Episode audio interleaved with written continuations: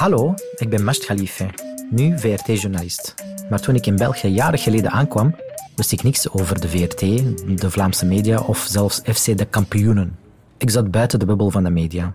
En dat is iets dat ik soms mis.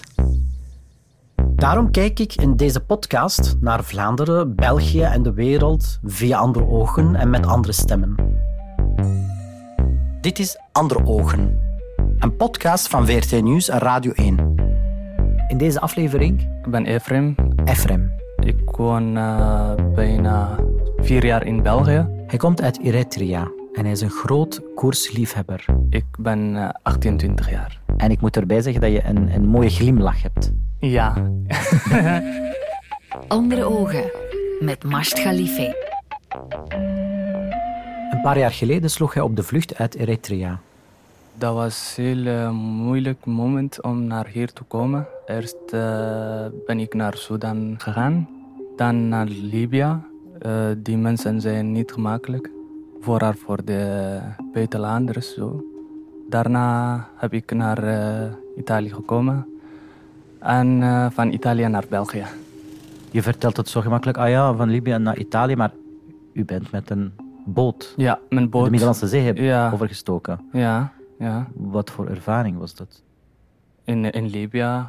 Uh, ik woonde daar voor uh, acht maanden. Zoals kamp.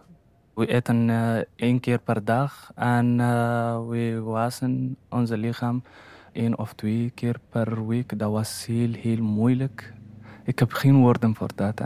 Dat was een heel, heel moeilijke situatie. Als journalist heb ik ook vele verhalen van migranten gevolgd, van refugees, van onder meer Eritrea, Sudan, Libië, gevolgd. En ik weet dat dat een van de zwaarste vluchtroutes is die bestaat voor vluchtelingen. En ik herinner mij ook zelfs een documentaire van CNN waarin ze het hadden over um, mensensmokkel in Libië. En dat mensensmokkelaars zelfs mensen verkopen aan elkaar. Ja, ja, inderdaad. Was dat ook zo bij jou?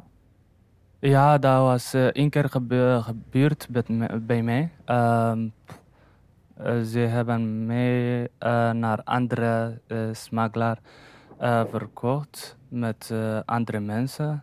We hebben opnieuw geld betalen. Je was van de ene smokkelaar naar het naar andere, andere doorverkocht. Ja. En aan de nieuwe smokkelaars had je ook extra moeten betalen om uiteindelijk Ja. op een boot te zitten richting Ja, Italië. ja, inderdaad.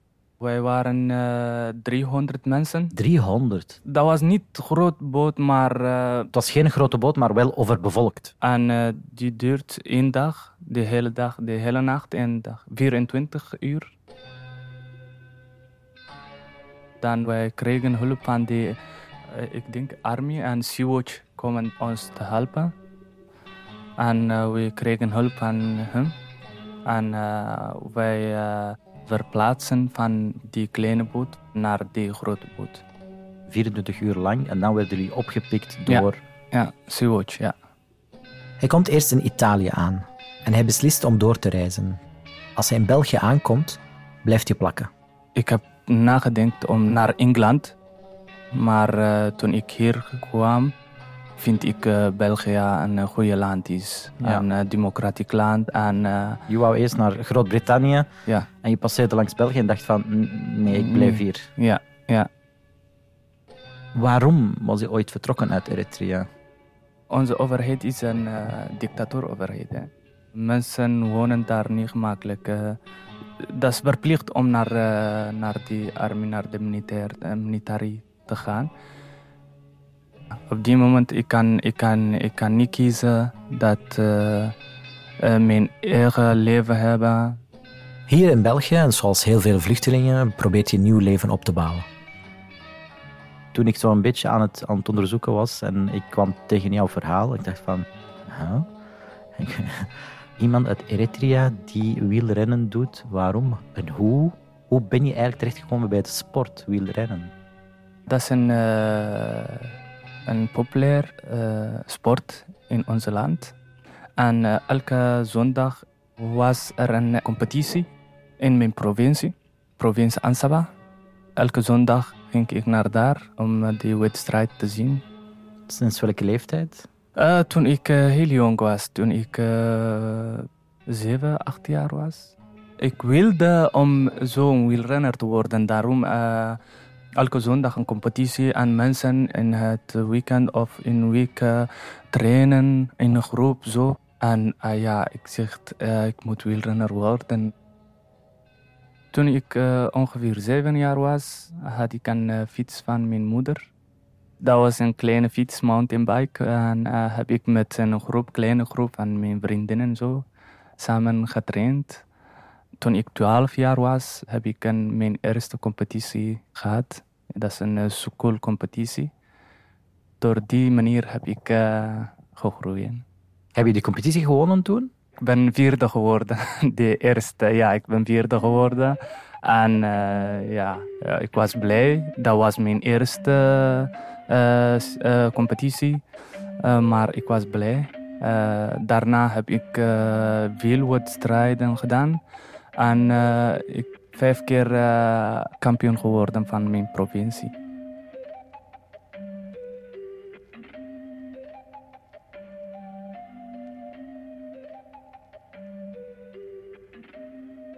Die geschiedenis, dat komt van Italië, denk ik. Maar die mensen gebruiken fiets meer dan de auto's. Hè? We hebben meer fietsen dan auto's. Hè? Dus uh, ik denk op die manier, elk, uh, ik kan zeggen, elke mens kan fietsen daar. En we hebben een goede plaats voor te fietsen, bergen, zo. In mijn hoofd, in mijn Arabisch hoofd, is altijd zo, wielrennen is zo'n beetje een wit sport. Heel duur om te beoefenen. Ja. Uh, want je moet een, een, goede fiets kopen, je moet speciaal schoenen aandoen, kousen, t-shirts. Ja, Was dat ook zo? Heeft het heel veel gekost voor jou om in Eritrea wielrennen te doen? Ja, op mijn eerste keer heb ik eh, met mijn mountainbike begonnen. Hè. Uh, nadat toen ik uh, 16 jaar oud was, uh, mijn ouders hebben mij een, een, een speciaal fiets voor competities en zo gekocht. Gekocht, ja. ja. dat kost veel, dat is niet gemakkelijk. De schoenen, vooral in Eritrea te krijgen, is, is, is niet gemakkelijk. Maar ik heb een uh, tweedehands zo gekocht van iemand. Weet je hoeveel heeft het gekost, uw eerste echte fiets? Dat was 20.000 uh, NAGVA in onze, uh, die geld van onze land.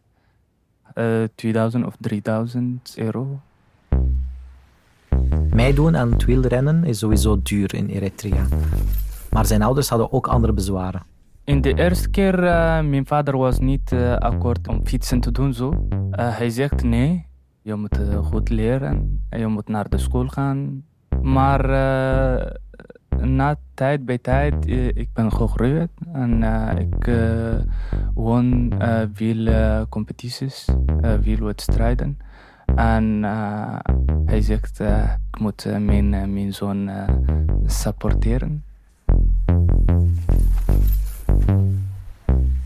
Wat was de laatste echt goede competitie voor jou die je gezien hebt?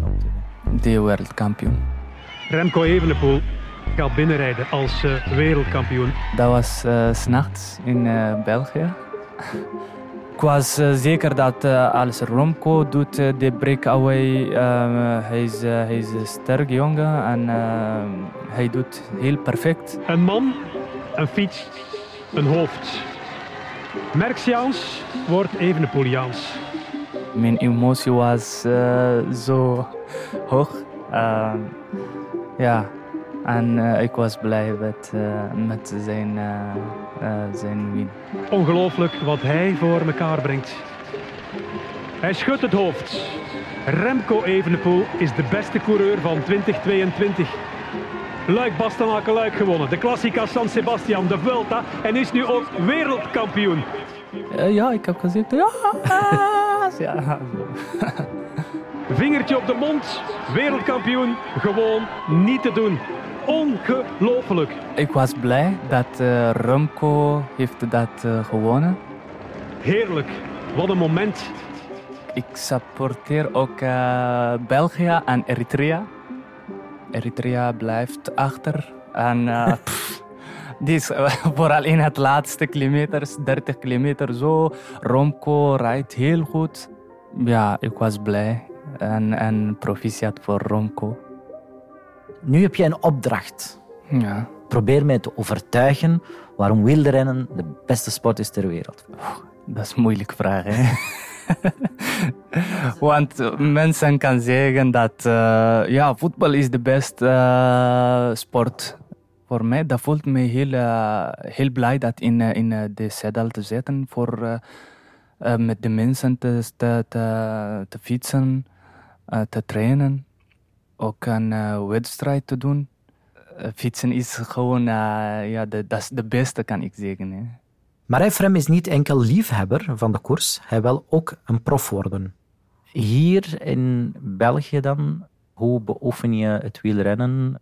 Uh, ja, uh, nu ik, ben, ik fiets met uh, Pax Global Cycling, dat is van Centreden. Bij Pax Global, hoe hebben ze jou ontvangen? Hoe was jouw ervaring daar met de ploegmaten? Voor mij is het een goed team en ja, zij zijn behulpzaam en ik moet zij ook bedanken voor mij te helpen. Eerst uh, had ik geen fiets hier en ik heb een uh, fiets van uh, hun gekregen. Ik ben ook blij met het team. Heb je intussen competities gedaan hier in, in België? Ja, nog niet goed goede scoren. want ik, ik heb tijd nodig voor dat. ik heb 80 kilometer gedaan, 120, 100. Hoe is jouw relatie met de coach? Heel goed.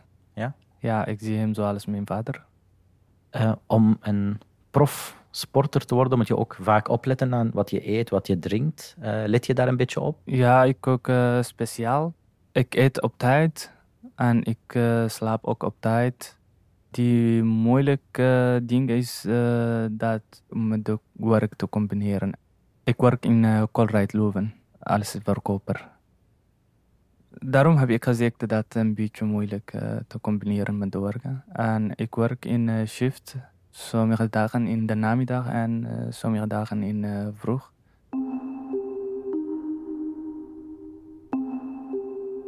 Probeer je soms mensen aan te moedigen van misschien Eritreërs of mensen van migratieachtergrond hier om toch wel in die sport te, te komen? Of? Ja, ik motiveer mensen maar voor de buitenlanders is het een beetje moeilijk hier. Dat is niet een beetje, dat is moeilijk hè, hier. Waarom denk je? Omdat niemand kan ons, uh, ons helpen. Wij moeten werken, wij moeten leren, wij moeten een geld hebben uh, voor dat. En uh, voor de mensen is het moeilijk om te combineren met de sporten. Mensen worden moe na het werk en ze hebben geen zin om andere dingen te doen. Dat is ook moeilijk voor mij, maar ik kan nooit opgeven.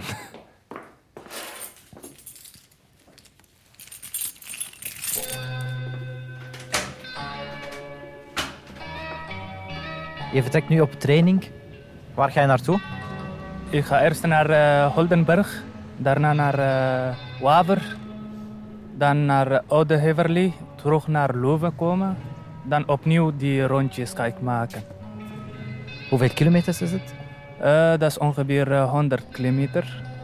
Meer dan 100, maar uh, 110 of 105 kilometer. Veel succes. Dank je en dank voor te komen. Hè. Ciao. Hè.